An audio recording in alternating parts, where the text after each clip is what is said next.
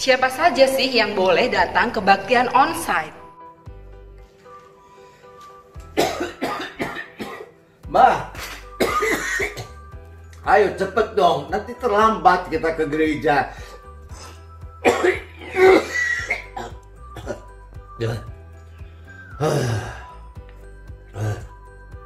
Jadi kalau seperti ini, boleh nggak? Ya? Jangan dong.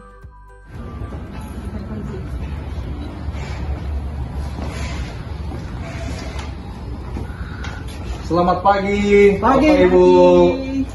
Ini mau ke mana ini? Ke gereja. Loh, jangan dulu dong. Anda yang tinggal di zona merah, jangan dulu ya. Lalu, siapa saja yang bisa hadir dan ikut dalam ibadah onsite? Mereka yang berusia antara 15 sampai dengan 60 tahun.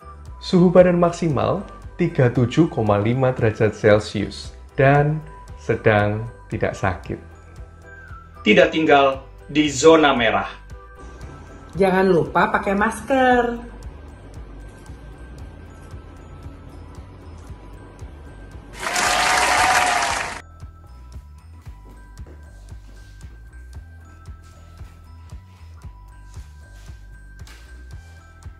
Bawa dan gunakan selalu hand sanitizer ya.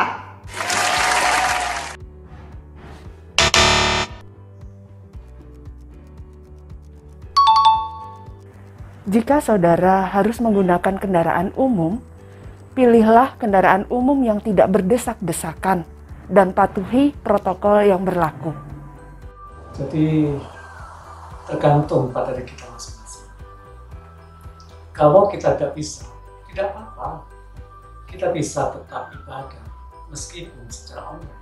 Kehadiran Tuhan selalu bisa kita rasakan. Sekalipun sebagian di antara kita belum bisa mengikuti kebaktian onsite ya. Kebaktian online, kebaktian onsite, sama aja kali.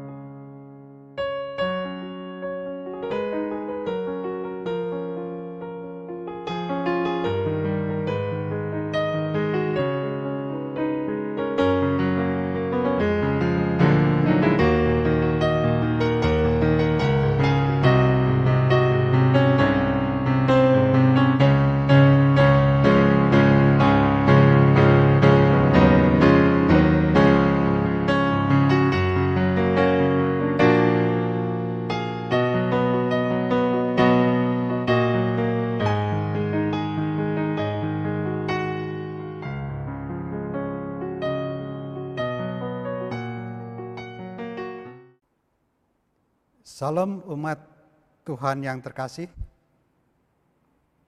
Dalam segala keterbatasan akibat pandemi COVID-19 yang membuat kita sampai saat ini masih belum dapat berkebaktian secara tatap muka.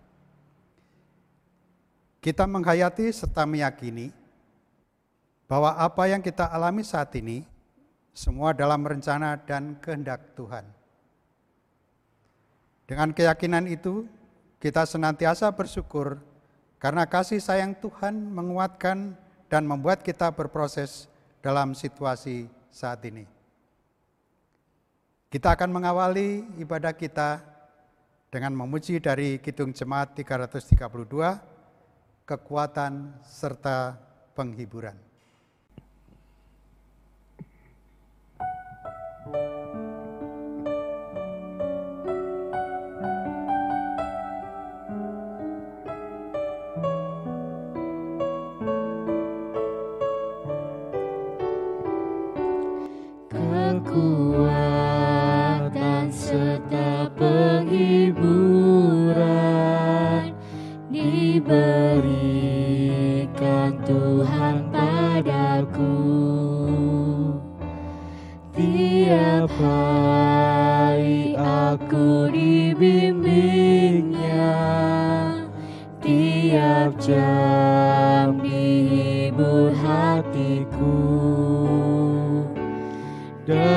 sesuai dengan hikmat Tuhan ku diberikan apa yang perlu.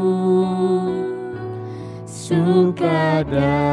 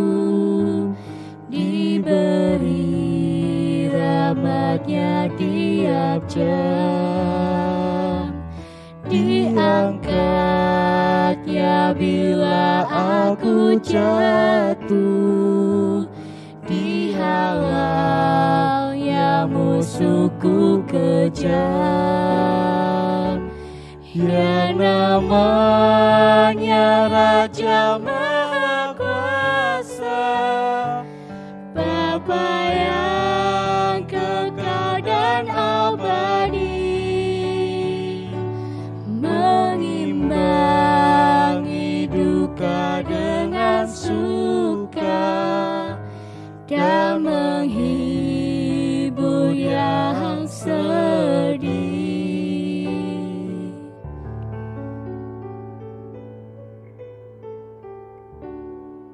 Umat Tuhan yang terkasih, kebaktian pada minggu ini terjadi karena pertolongan Allah Tritunggal yang setia memelihara dan menyertai kehidupan kita dengan kasih sayangnya. Amin,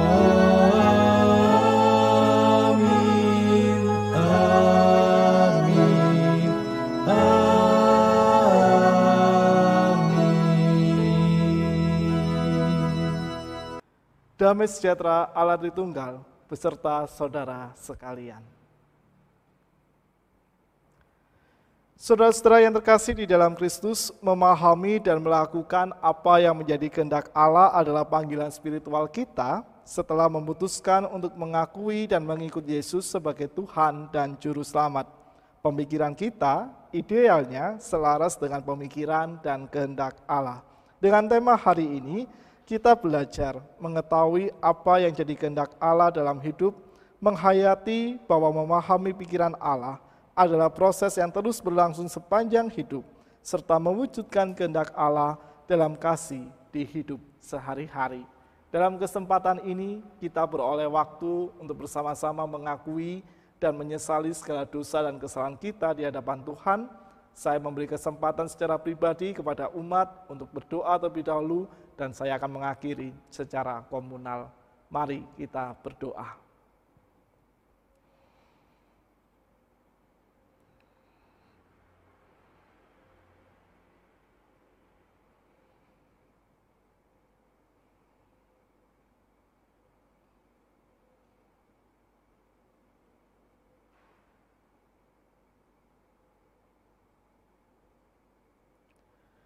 Bapak yang Maha Kasih, Engkau mengendaki kami untuk selalu dapat menyelaraskan apa yang menjadi pemikiran dan juga sikap kehidupan kami dengan kehendak dan pemikiranmu dalam seluruh persiaran kehidupan yang kami tapaki. Namun apa yang engkau lihat tak sesuai dengan apa yang engkau kendaki. Kami kerap menyimpang dari pemikiran dan kehendakmu, kami kerap lebih senang hidup di dalam kepuasan diri kami dibandingkan kami bersedia memikul salib bahkan mengikut Engkau dengan setia dalam kehidupan kami sehari-hari.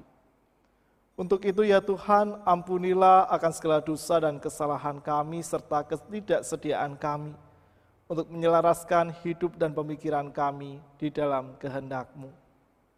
Dan kami pun mengetahui bahwa Engkau pasti mengampuni dan menganugerahkan kasih sayang Untuk itulah ya Tuhan, dalam segala pengakuan dan penyesalan yang telah kami lakukan secara pribadi dan saat ini kami melakukannya secara komunal.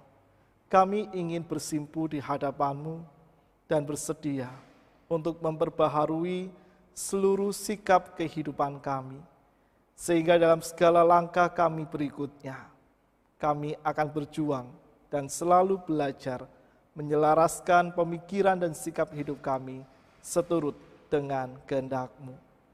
Kami sadar bahwa ada begitu banyak kelemahan yang ada dalam diri kami. Tetapi kami tak ingin menjadikan hal itu sebagai alasan pembenar untuk kami tak hidup seturut kehendak-Mu. Justru dalam kelemahan itulah ya Tuhan, kami mampu melihat kekuatan-Mu yang menyemangati dan menopang kami.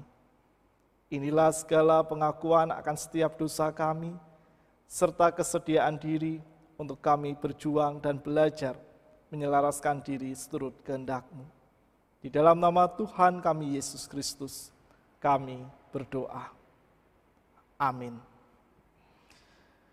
Saudara-saudara yang terkasih di dalam Kristus, bagi setiap kita yang sedia hidup dalam tuntunan kasih-Nya, Terimalah anugerahnya melalui firman-Nya yang ditulis di dalam Yeremia 29 ayat 11. Sebab aku ini mengetahui rancangan-rancangan apa yang ada padaku mengenai kamu, demikianlah firman Tuhan, yakni rancangan damai sejahtera dan bukan rancangan kecelakaan, untuk memberikan kepadamu hari depan yang penuh harapan. Demikianlah berita anugerah dari Tuhan.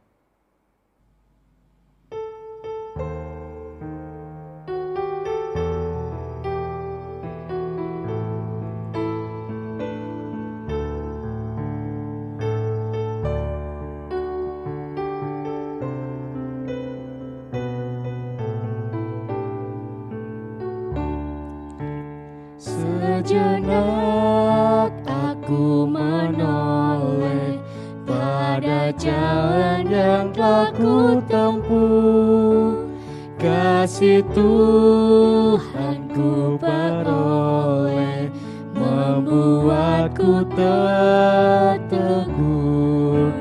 Jalan itu penuh liku kadang-kadang tanpa terang. Tapi Tuhan membimbingku hingga aku tercengang. Kasih Tuhan membimbingku dan hatiku pun terang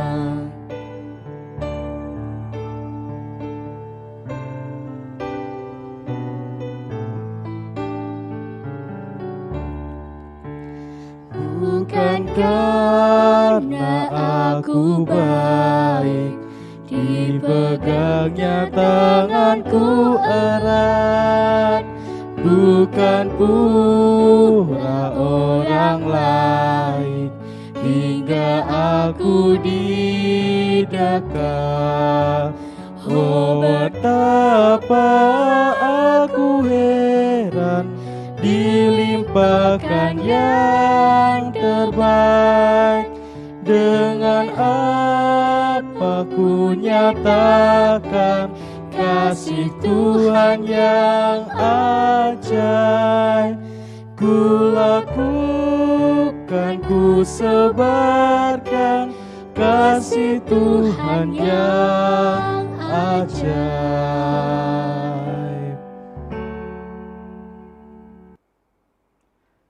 Saudara-saudara yang terkasih di dalam Kristus, kita persiapkan hati dan pikiran kita menerima pemberitaan sabda di dalam doa.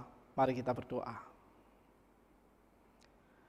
Bapa yang makasih, kami bersyukur kasih-Mu selalu memberi kami kekuatan, Engkau pun selalu memberi kami kesempatan untuk kami kembali membaca serta merefleksikan firman-Mu.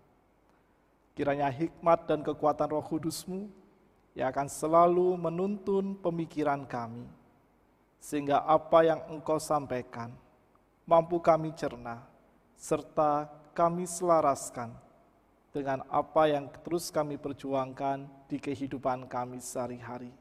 Karena firman-Mu yang menjadi kebenaran satu-satunya dalam kehidupan kami, yang membuat kami dapat terus berfokus di dalam Engkau. Di dalam nama Tuhan kami Yesus Kristus, kami siap menerima firman-Mu. Amin. Saudara-saudara yang terkasih di dalam Kristus, pembacaan firman Tuhan pada saat ini diambil dari Matius 16 ayat 21 sampai dengan 28. Matius 16 ayat 21 sampai dengan 28. Sejak waktu itu, Yesus mulai menyatakan kepada murid-muridnya bahwa ia harus pergi ke Yerusalem dan menanggung banyak penderitaan dari pihak tua-tua, imam-imam kepala, dan ahli-ahli Taurat, lalu dibunuh dan dibangkitkan pada hari ketiga. Tetapi Petrus menarik Yesus ke samping dan menegur dia. Katanya, Tuhan, kiranya Allah menjauhkan hal itu. Hal itu sekali-kali takkan menimpa engkau.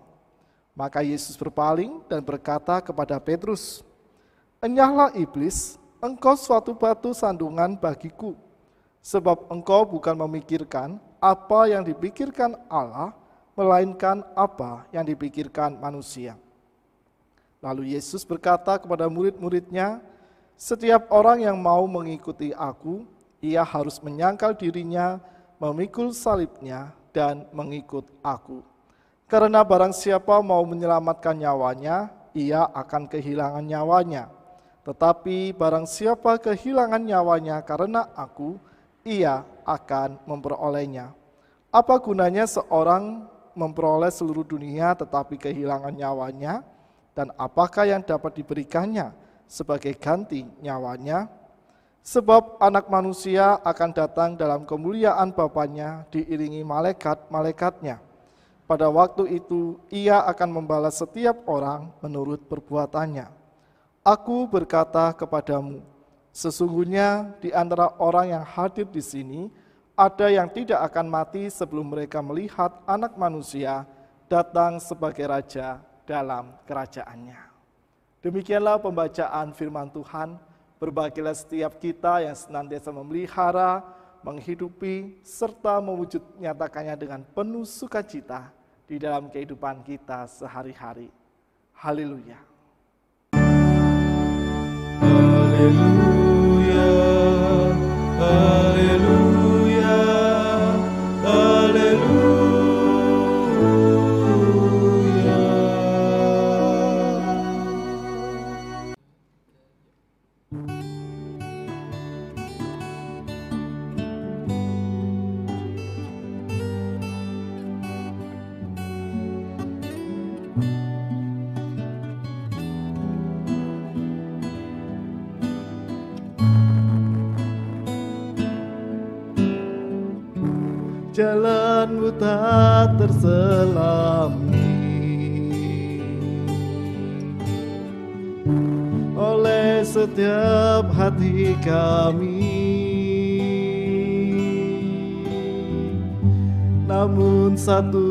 hal ku percaya. Ada rencana yang indah. Tiada terduga kasihmu. Heran dan besar bagiku Arti kehadiranmu selalu. Nyata di dalam hidupku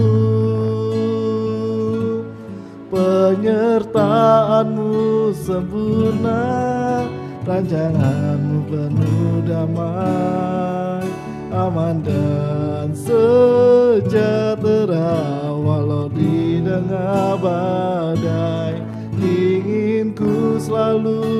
bersama Rasakan keindahan. Arti kehadiranmu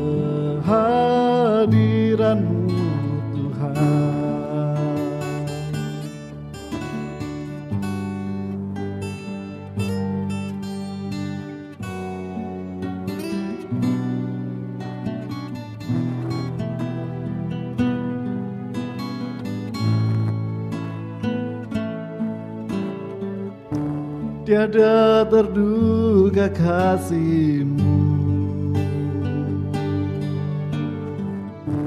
Heran dan besar bagiku. Arti kehadiranmu selalu. Nyata di dalam hidupku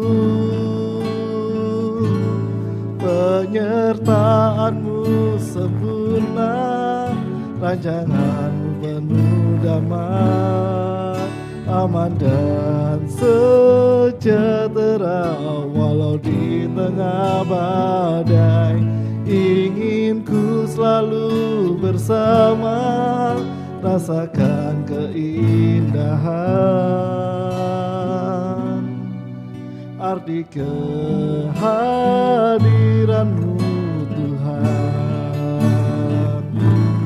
Penyertaanmu sempurna rancanganmu penuh damai aman dan sejahtera walau di tengah badai ingin ku selalu bersama rasakan keindahan. Arti kehadiranmu Tuhan. Arti kehadiranmu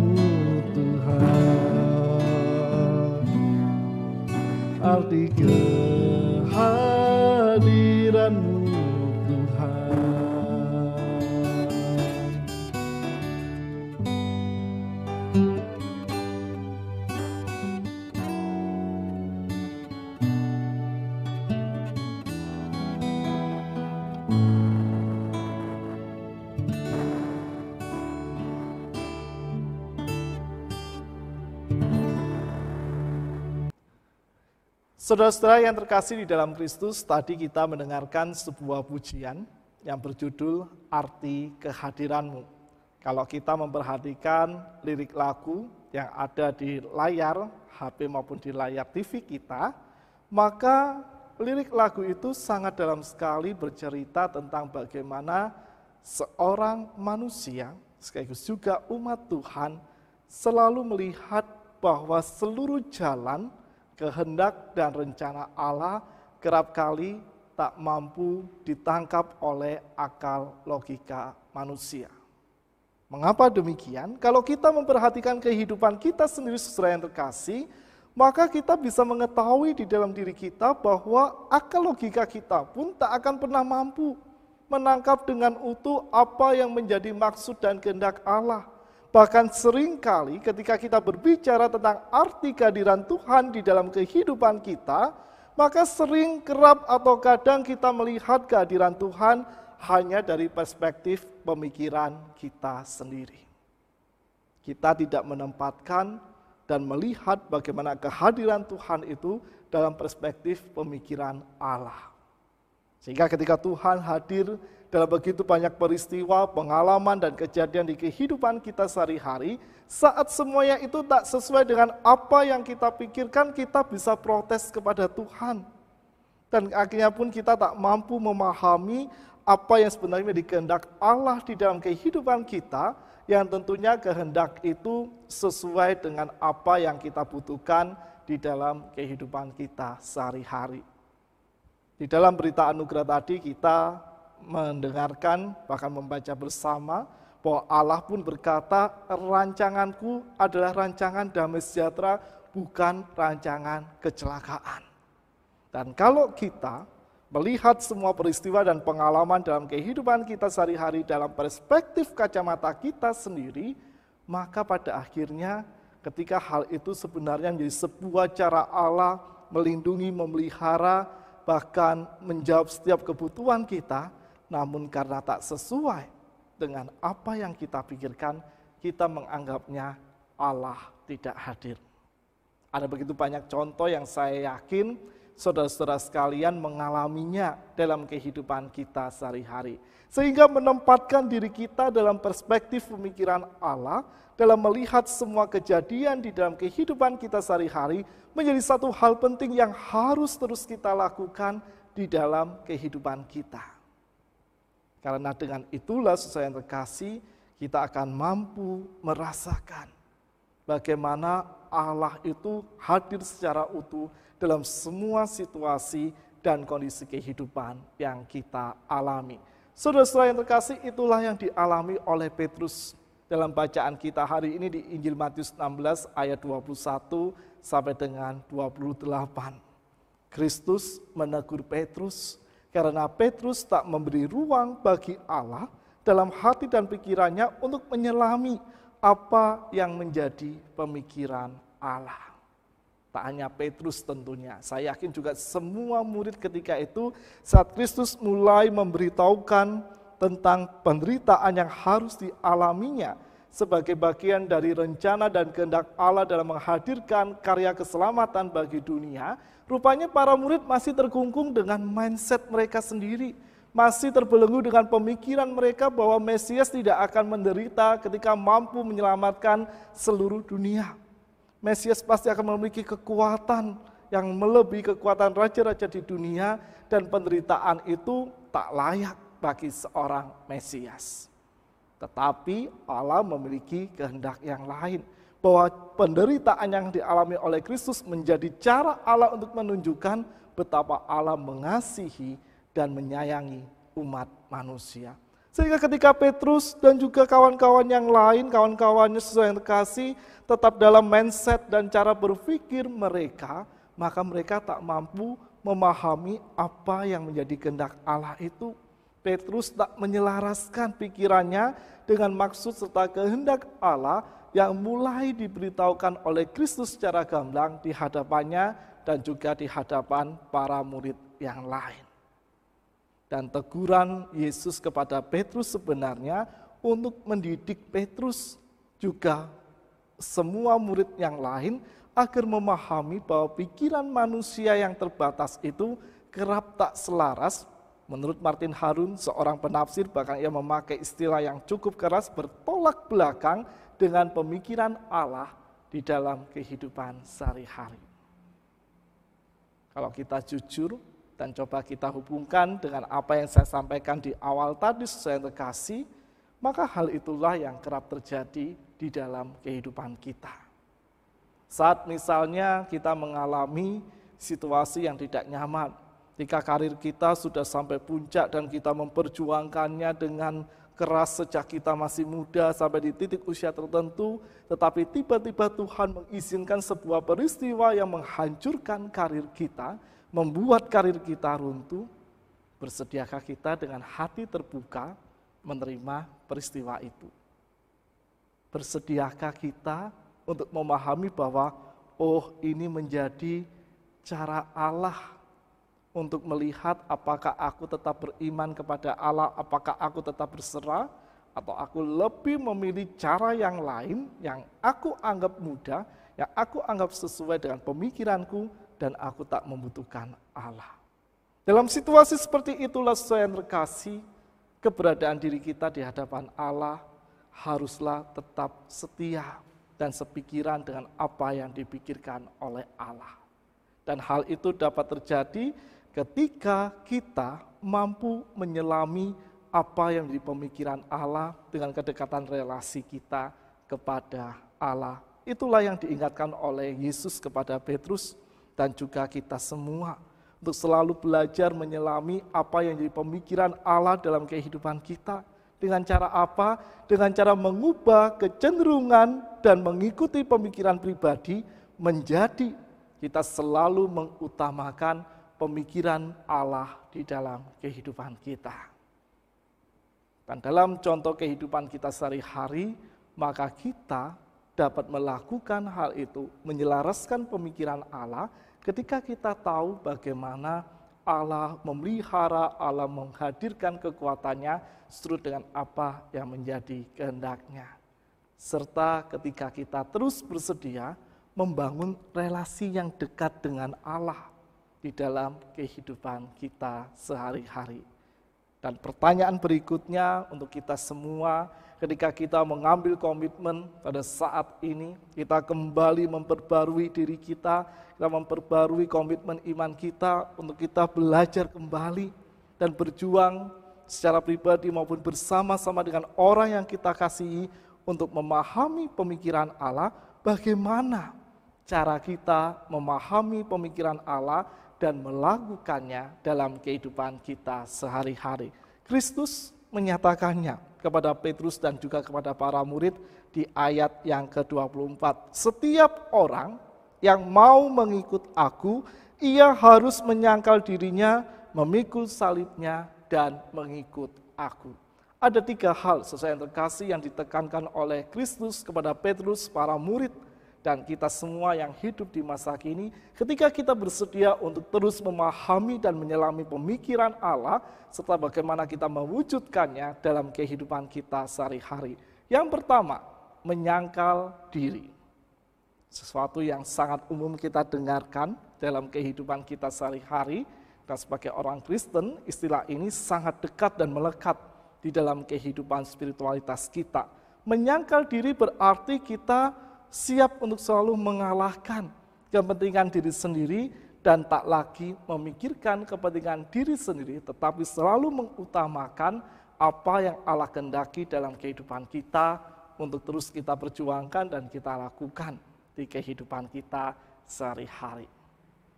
Siapkah kita melakukan hal itu sesuai yang terkasih? Kalau ditanya, mungkin ada begitu banyak hal yang akan kita pertanyakan, oh berarti aku nggak boleh senang-senang dong Tuhan. Berarti aku nggak boleh dong memenuhi apa menjadi cita-cita dan harapanku di dalam kehidupanku. Oh berarti aku nggak boleh dong e, memuaskan apa yang menjadi kebutuhanku dalam hidupku sehari-hari. Tidak seperti itu sesuai terkasih. Menyangkal diri dengan kita mengalahkan kepentingan diri sendiri berarti kita selalu siap menerima apa pun kehendak Allah dan menekan ego kita, mengendalikan ego kita sedemikian rupa sehingga setiap kepentingan Allah itu menjadi yang pertama dan utama di dalam kehidupan kita. Dan hal itu tak hanya di dalam situasi yang menyenangkan saja, termasuk ketika kita ada dalam titik paling bawah di dalam kehidupan kita. Kita harus selalu siap untuk mengalahkan apa menjadi ego kita demi kasih sayang Allah, demi pemikiran Allah yang akan selalu membentuk dan memelihara kita sehingga kita mampu memahami apa pun yang direncanakan dan dirancang oleh Allah di dalam kehidupan kita. Selama kepentingan diri sendiri selalu menguasai kehidupan kita, maka kita tak akan pernah mampu melakukan penyangkalan diri di dalam diri kita karena penyangkalan diri juga harus bersedia patuh dan tunduk dalam otoritas kehendak Allah di dalam kehidupan kita sehari-hari. Yesus menunjukkannya ketika ia berada di Taman Getsemani. Sebenarnya dia bisa saja mengambil cara menurut kepentingan dirinya sendiri. Dia bisa saja lari dari jalan derita salib yang menjadi rencana dan kehendak Sang Bapa demi keselamatan umat manusia. Tetapi Yesus menyangkal dirinya. Ia tunduk dalam otoritas Allah dan ia bersedia menerima kehendak Allah itu meskipun dalam sisi kemanusiaannya hal itu sangat mengerikan dan sangat menyakitkan. Tapi Yesus melakukannya dengan sungguh-sungguh karena ia tahu itulah kehendak Allah yang menjadi tugas perutusan di dalam dirinya untuk ia kerjakan agar umat manusia terbebas dari dosa. Begitu penyangkalan diri harus selalu kita perjuangkan agar kita semakin memahami apa sebenarnya yang Allah kehendaki melalui kehidupan kita. Yang kedua, saudara yang terkasih, bersedia memikul salib. Dan ini berarti kesediaan menanggung kesulitan atau penderitaan sebagai konsekuensi karena komitmen menyangkal diri dan mengutamakan pemikiran Allah dalam kehidupan kita. Sangat jelas sekali bahwa memikul salib seperti yang telah dilakukan oleh Yesus bagi kita semua, bahwa berarti kita belajar dari teladan yang ditunjukkan oleh Yesus sebagai sebuah konsekuensi dari kesediaan kita tetap setia dalam iman kepada Allah, maka kita harus selalu siap sedia menerima setiap penderitaan yang bakal atau yang telah kita alami sebagai jalan tak terpisahkan dalam kita memperjuangkan komitmen kita serta mengutamakan pemikiran serta kehendak Allah di dalam kehidupan kita. Susah atau mudah? Tentu kita menjawab banyak susahnya Pak Virgo. Ya, pasti itu. Memikul salib tak semudah seperti kita memikul salib ketika bermain drama dalam masa raya Prapaskah atau mungkin dalam masa raya Paskah ketika Jumat Agung dan berperan memikul salib, saya pernah bertanya kepada salah seorang teman remaja saya, ketika saya masih remaja, ia berperan sebagai Yesus, bagaimana rasanya memikul salib? Oh berat banget yang dipakai salib beneran. Apalagi dia mencoba menghadirkan dirinya dalam reka ulang peristiwa penyaliban Kristus yang menjadi adegan, menjadi bagian dari liturgi di Saraya Paskah ketika kami masih remaja, ia merasakan dalam dirinya seperti ini ya penderitaan yang dialami oleh Kristus ketika memikul salib. Dan ia pun merefleksikan tak sebanding dengan penderitaan yang aku alami. Sehingga ketika ia bercerita kepada kami sebagai teman-temannya, ia mengatakan penderitaan kita tak sebanding. Sehingga kalau kita mengeluh, yaitu sesuatu yang tidak layak untuk diungkapkan. Karena kalau kita mengeluh, berarti kita tidak menghargai bagaimana penderitaan Kristus yang telah menyelamatkan umat manusia. Dari situlah kami belajar, saudara yang terkasih di dalam Kristus, bagaimana memikul salib berarti kita siap menerima semua konsekuensi dan resiko sebagai pengikut Kristus di dalam semua situasi dan kondisi yang kita alami. Yang terakhir yaitu mengikut Yesus. Penulis Injil Matius mengutip perkataan Kristus, mengikut aku Berarti kita diajak dan dikendaki oleh Kristus mewujudkan secara nyata penyangkalan diri dan memikul salib di dalam kehidupan sebagai kesediaan, seperti saya katakan di poin kedua tadi, melakukan teladan Kristus dalam kata maupun juga dalam karya nyata. Di ketika kita menyangkal diri, kita tak hanya mengungkapkan dalam komitmen kita saja, tak hanya dalam pemikiran kita, tapi juga kita wujudkan dalam seluruh kehidupan kita serta karya pelayanan kita di hidup sehari-hari. Termasuk ketika kita memikul salib, kita tidak hanya berkor-kor, aku siap menderita Tuhan, tetapi kenyataannya kita justru tidak siap menderita. Tapi kita harus siap menerima semua konsekuensi sebagaimana yang telah diteladankan oleh Kristus dalam kebersamaannya dengan para murid ketika ia hidup di tengah-tengah umat manusia, bagaimana ia menunjukkan ia rela menanggung semua derita, ia siap menerima resiko sebagai utusan Allah sampai detik terakhir kehidupannya. Itulah yang dikendaki oleh Allah agar kita mampu menyelaraskan diri kita dalam pemikiran dan kehendak Allah di kehidupan sehari-hari. Saudara-saudara yang terkasih di dalam Kristus mengakhiri perenungan kita, ada sebuah kalimat dalam bahasa Inggris yang berkata, we are unfinished Christian. Sekali lagi saya ungkapkan, we are unfinished Christian. Dalam jalan pesiaraan hidup yang Allah anugerahkan bagi diri kita, kita pasti akan senantiasa bergumul serta berjuang untuk memahami apa yang menjadi pemikiran Allah dalam berbagai situasi kehidupan yang kita hadapi serta kita mewujudkannya secara nyata. Kita adalah orang-orang Kristen yang akan selalu bersiarah di dalam kehidupan kita sehari-hari.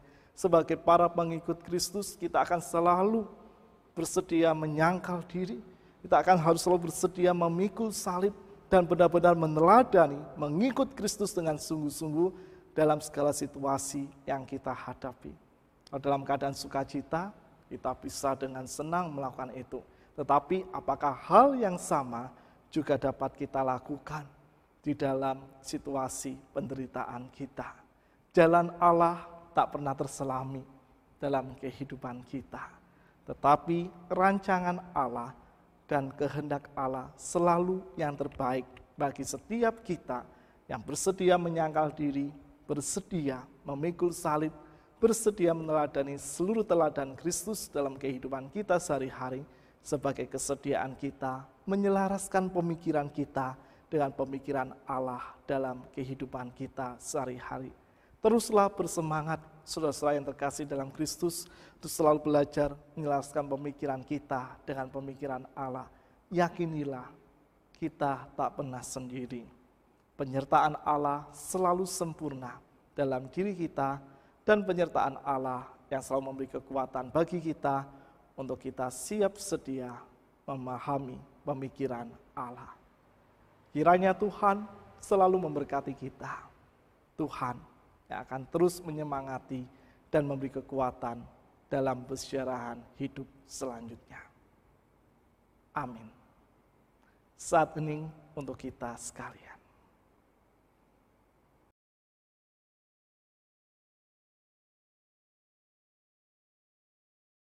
Umat diundang berdiri. Bersama dengan umat Allah di sepanjang masa dan di segala tempat, kita ikrarkan pengakuan iman kita dengan mengucapkan pengakuan iman rasuli yang demikian.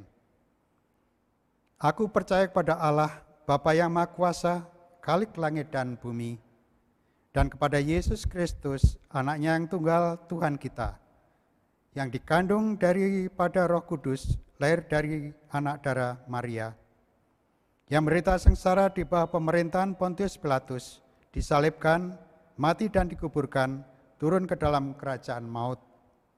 Pada hari yang ketiga, bangkit pula dari antara orang mati, naik ke surga, duduk di sebelah kanan Allah, Bapa yang Maha Kuasa, dan dari sana ia akan datang untuk menghakimi orang yang hidup dan yang mati. Aku percaya kepada Roh Kudus, gereja yang kudus dan am, persekutuan orang kudus, pengampunan dosa, kebangkitan orang mati, dan hidup yang kekal. Amin. Saudara-saudara yang terkasih di dalam Kristus, kita akan menaikkan seluruh syafaat kita di dalam doa. Dan doa syafaat ini akan kita akhiri dengan mengucapkan doa Bapa kami. Mari kita berdoa.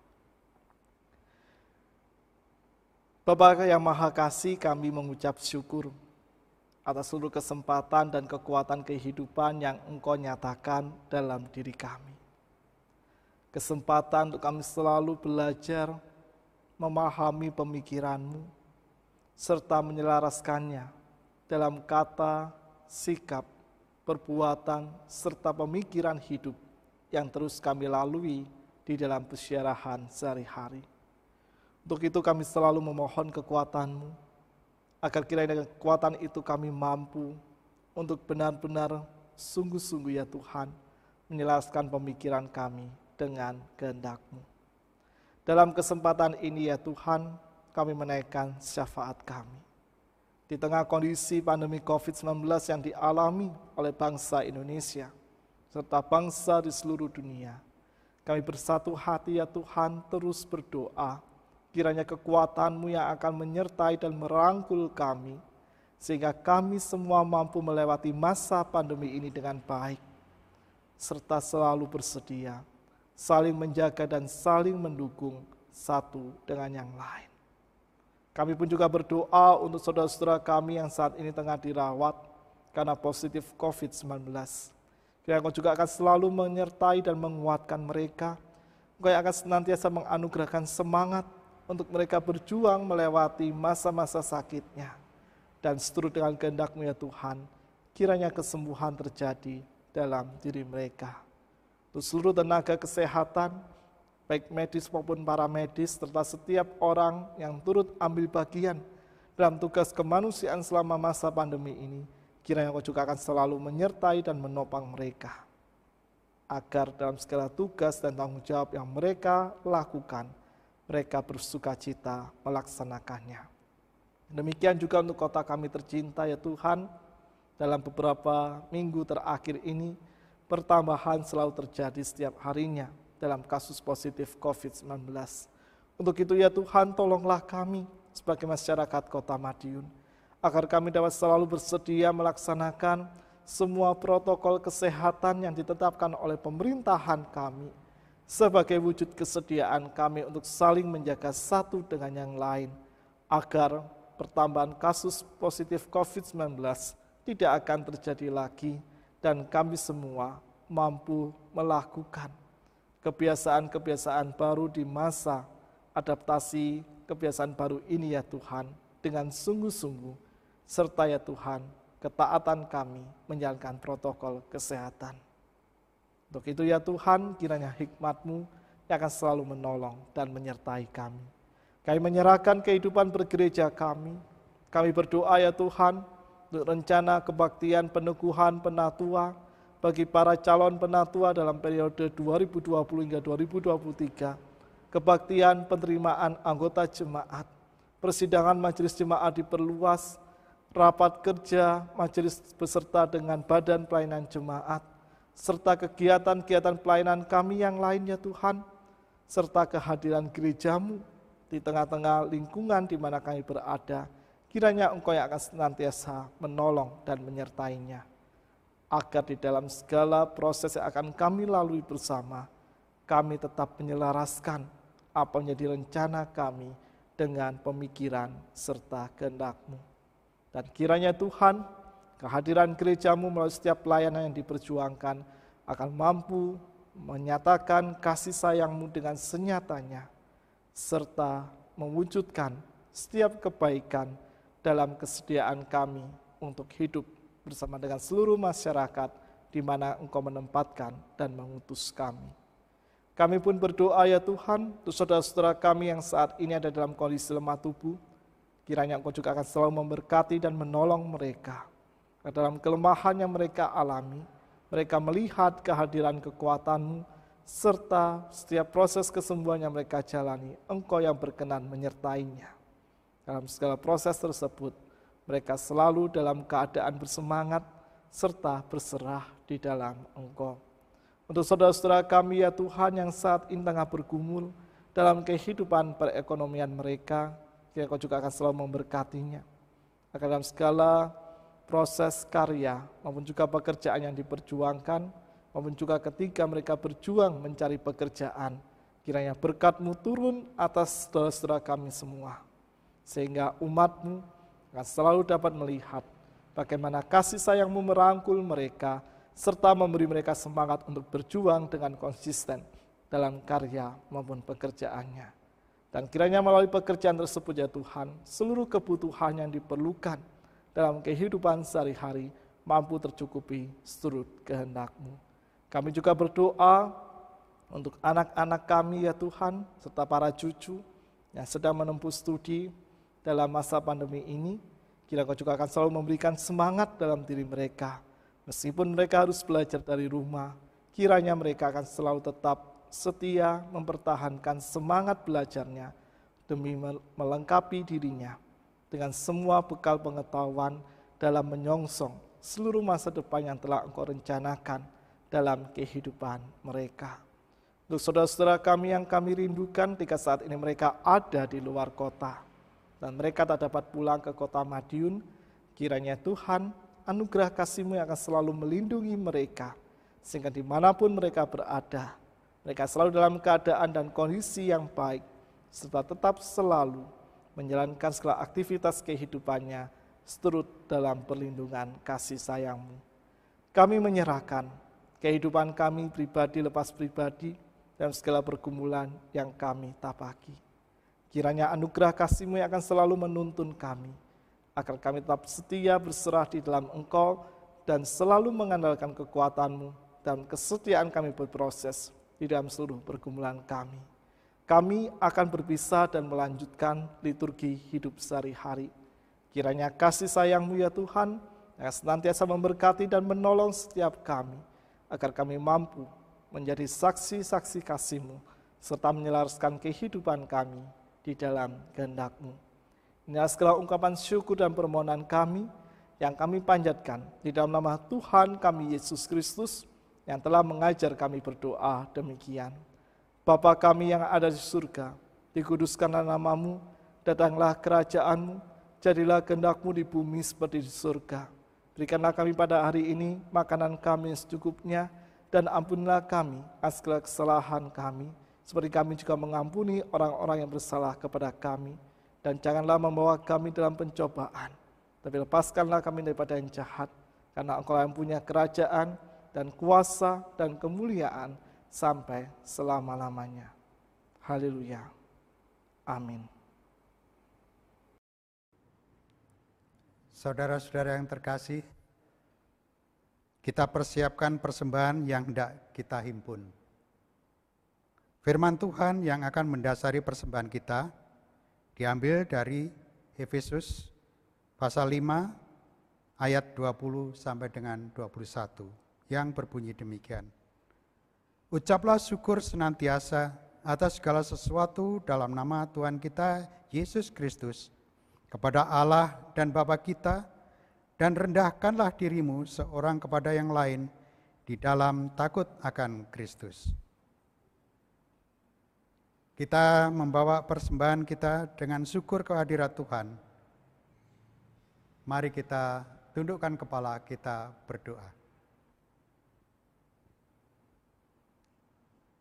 Bapak yang makasih, kami bersyukur Tuhan apabila Tuhan masih mengizinkan kami boleh menikmati nafas kehidupan kami sampai dengan saat ini.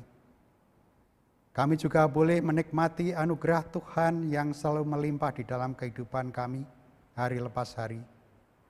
Dan oleh karena itu Tuhan, apabila saat ini kami datang ke hadapan-Mu dengan membawa sebagian berkat yang telah Tuhan limpahkan dalam hidup kami, kiranya Tuhan persembahan yang kami himpun saat ini, Tuhan berkati, Tuhan sucikan, kiranya melalui persembahan ini, nama Tuhan dapat dipermuliakan. Terima kasih Bapa. Kami serahkan doa dan ucapan syukur kami hanya di dalam nama Tuhan kami Yesus Kristus. Amin.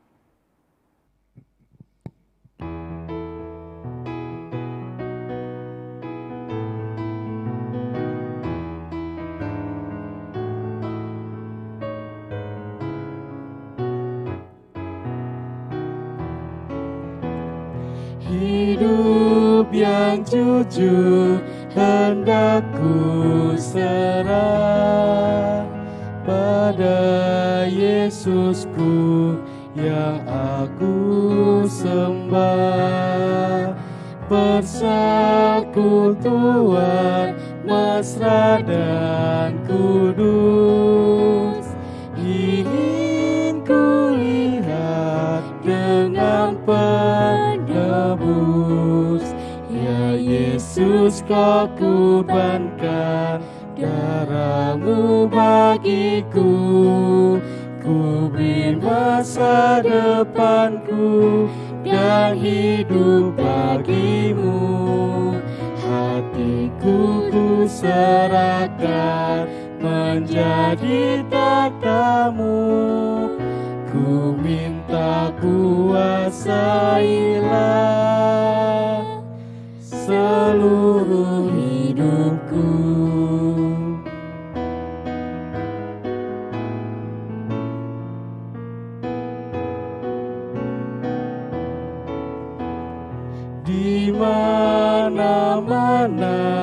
setiap kerja kan ku lakukan demi namanya. Rela menanggung sengsara pedih. Ku ikut Yesus ku pikul salib Yesus kau kurbankan darahmu bagiku. Ku bin depanku dan hidup bagimu.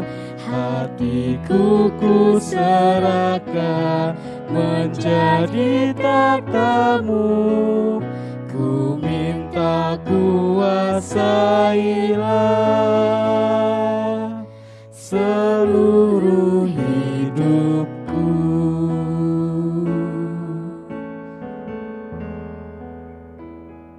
Umat yang terkasih, arahkanlah hatimu kepada Tuhan. Jadilah saksi Kristus. Terpujilah Tuhan.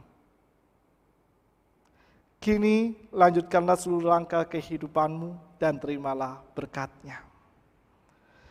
Anugerah damai sejahtera dan berkat pemeliharaan Allah Tritunggal senantiasa memampukanmu untuk terus hidup dalam kehendak Allah, menyelaraskannya dengan pikirannya, serta mewujud nyatakan kehendak Allah dalam hidup sehari-hari, kini dan sampai selama-lamanya.